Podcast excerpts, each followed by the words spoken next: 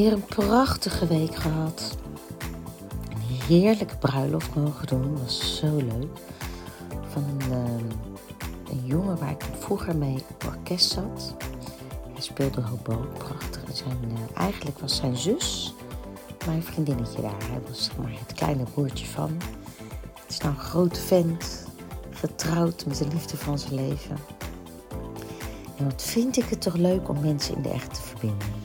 Het grappige was dat ik, uh, nou je kan bijna niet voorstellen, ook vooral om het werk wat ik doe.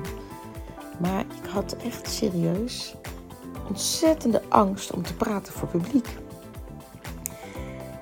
En uh, om nou zo mensen hun verhaal, hun liefdesverhaal op papier te zetten en dat voor te lezen, dat vind ik eigenlijk zo ontzettend leuk om te doen, om de liefde te vieren. Uh, weet je, heel vaak dan uh, ga je gewoon voorbij aan dingen en uh, ja, maak je dingen een beetje, bagatelliseer je dingen een beetje. Maar ja, vooral ook na die begrafenis die ik een paar weken geleden heb gehad, besef je echt van ja, je moet echt mooie momenten vieren in je leven. Dus ik had ook nu ook, ik word over anderhalf jaar ongeveer 50.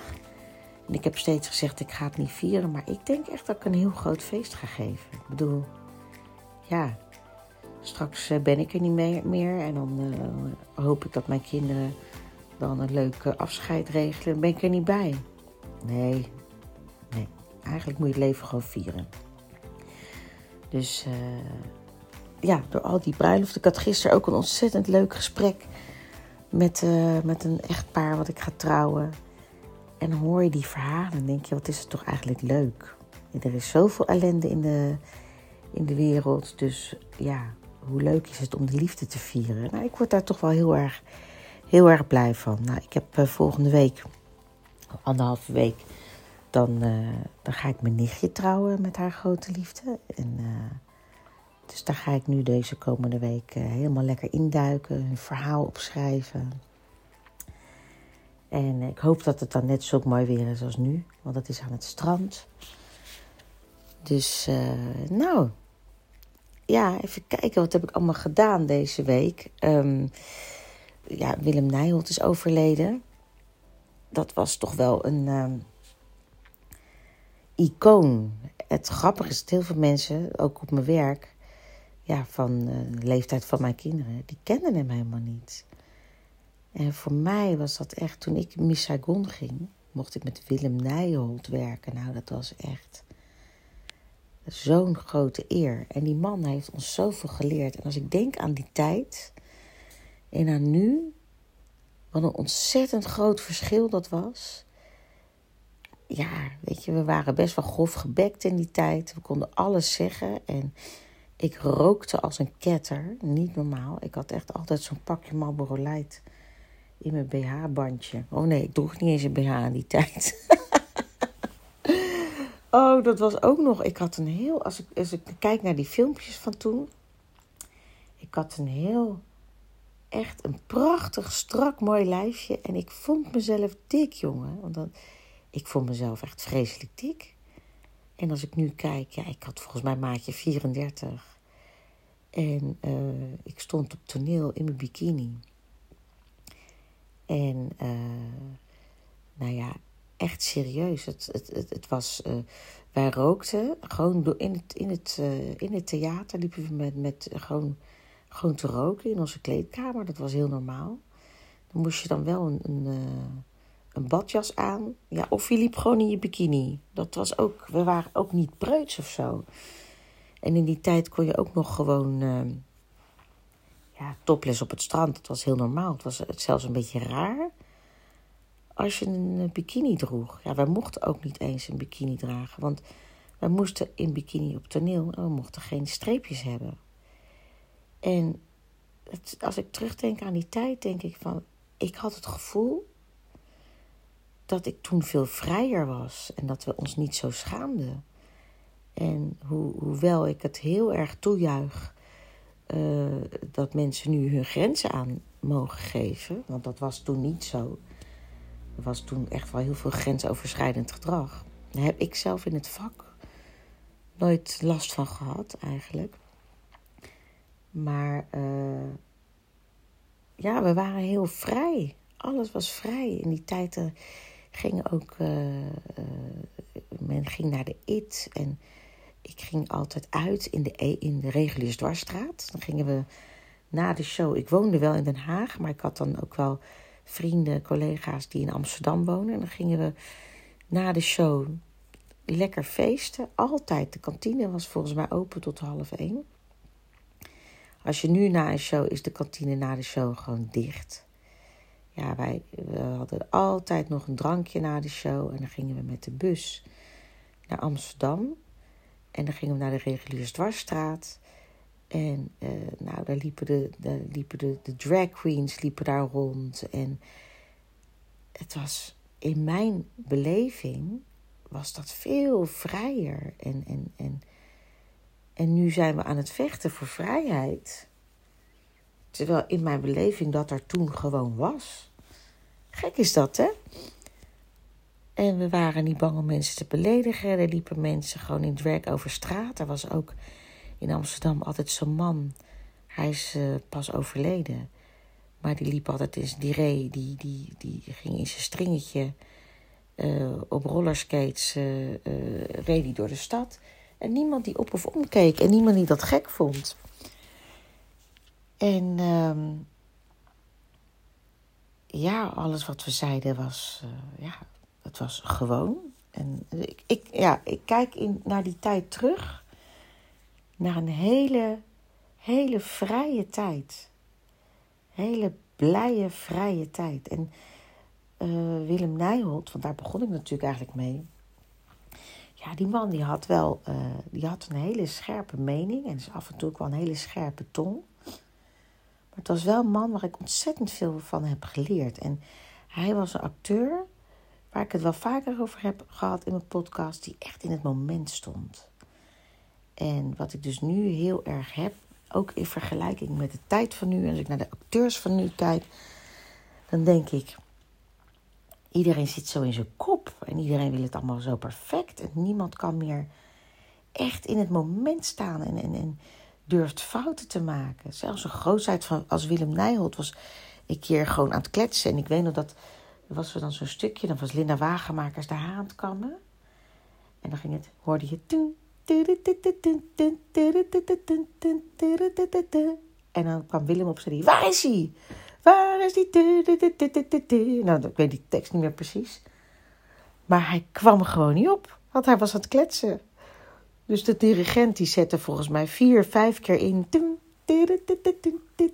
En Linda bleef maar de haar kammen en die tijd vullen.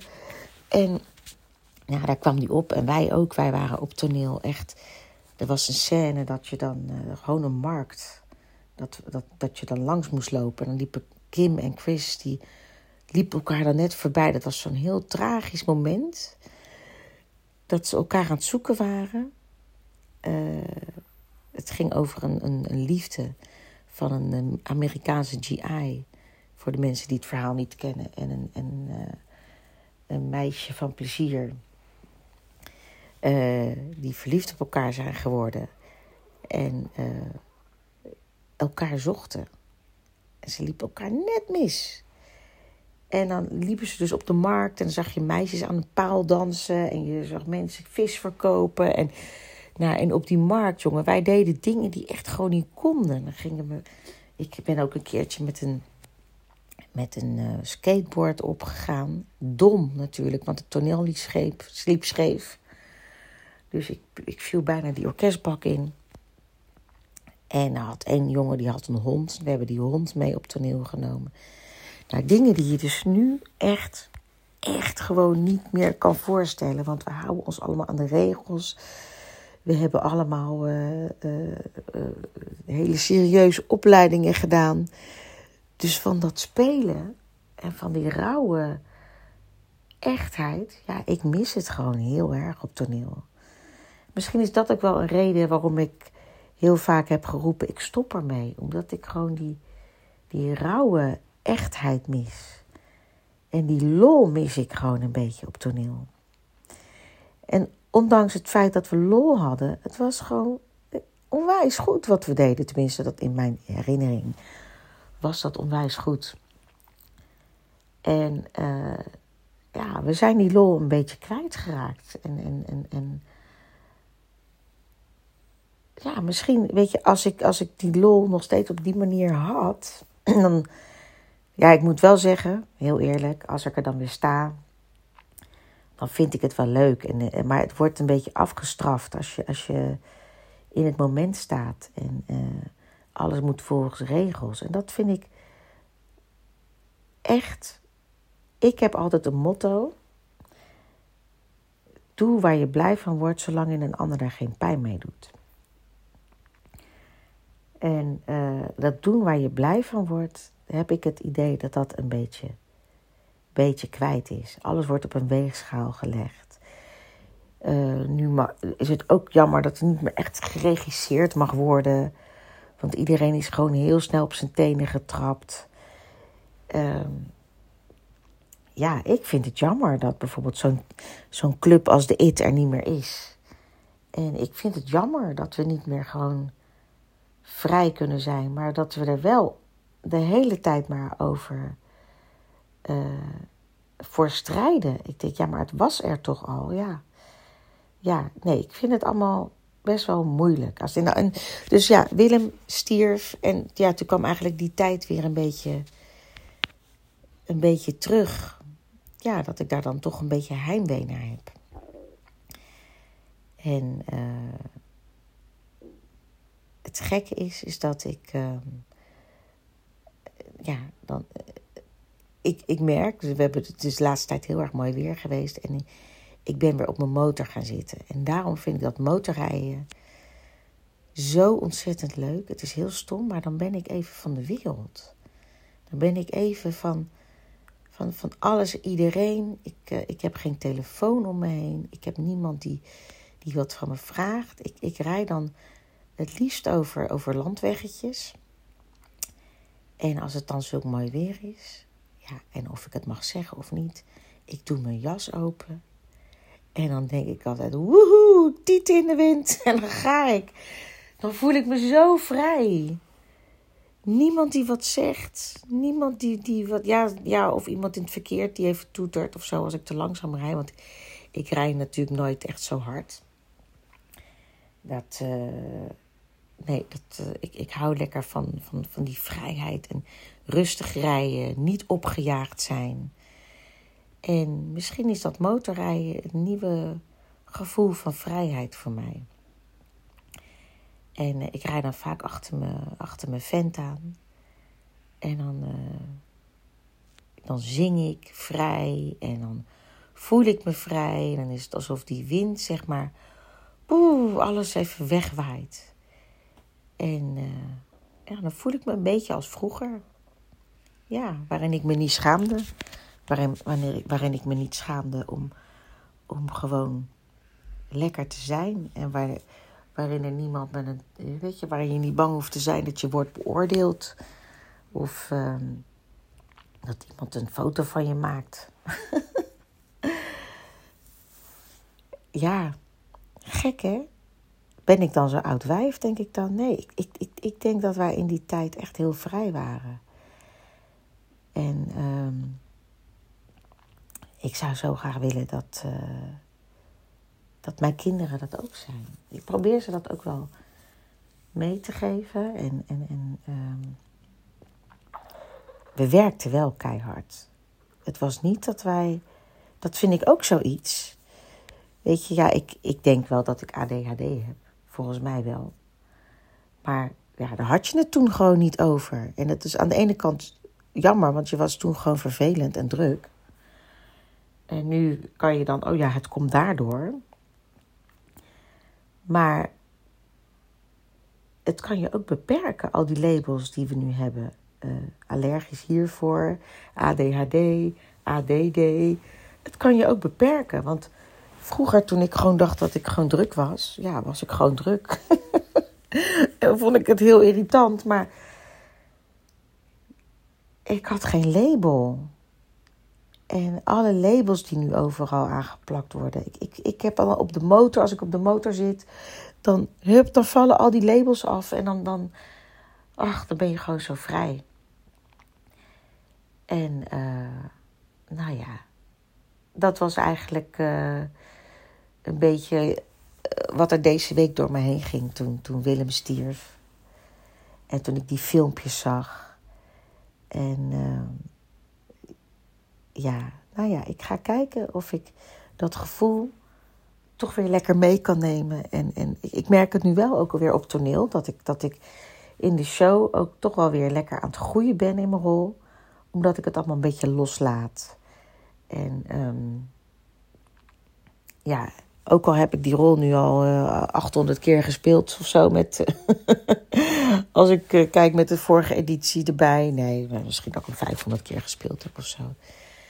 Uh, hij is toch weer aan het groeien en alles wordt steeds losser. En ja, ik denk dat we alles gewoon wat losser moeten kunnen laten. En niet zo ontzettend ons vast moeten houden aan dingen. En, en oh, deadlines en, en moeilijk. En ik denk dat, dat we echt een manier moeten vinden om gewoon weer lekker, lekker te leven. Ja, dat is eigenlijk een beetje wat ik van de afgelopen tijd heb geleerd. Gewoon lekker te genieten en uh, in het moment te zijn. En uh, als ik terugdenk aan Willem, hoe ik hem dan zo door de kleedkamer, dat had ik ook in een post gezet. Dat hij door de, door de gangen riep, liep en riep: Mac, Mac, Mac, Mac, Mac, Mac. En dan was hij ingezongen. En wij gingen dan heel schools inzingen. En hij dacht: hij deed dat Mac, Mac, Mac. Dus ik, heel vaak loop ik ook nog steeds door, het, door de gangen en roep ik ook Mac, Mac, Mac, Mac, Mac. En um, het is allemaal niet zo uh, beladen. Het leven is de laatste tijd zo beladen. Dus uh, mijn motto voor de komende week, wat ga ik de komende week doen?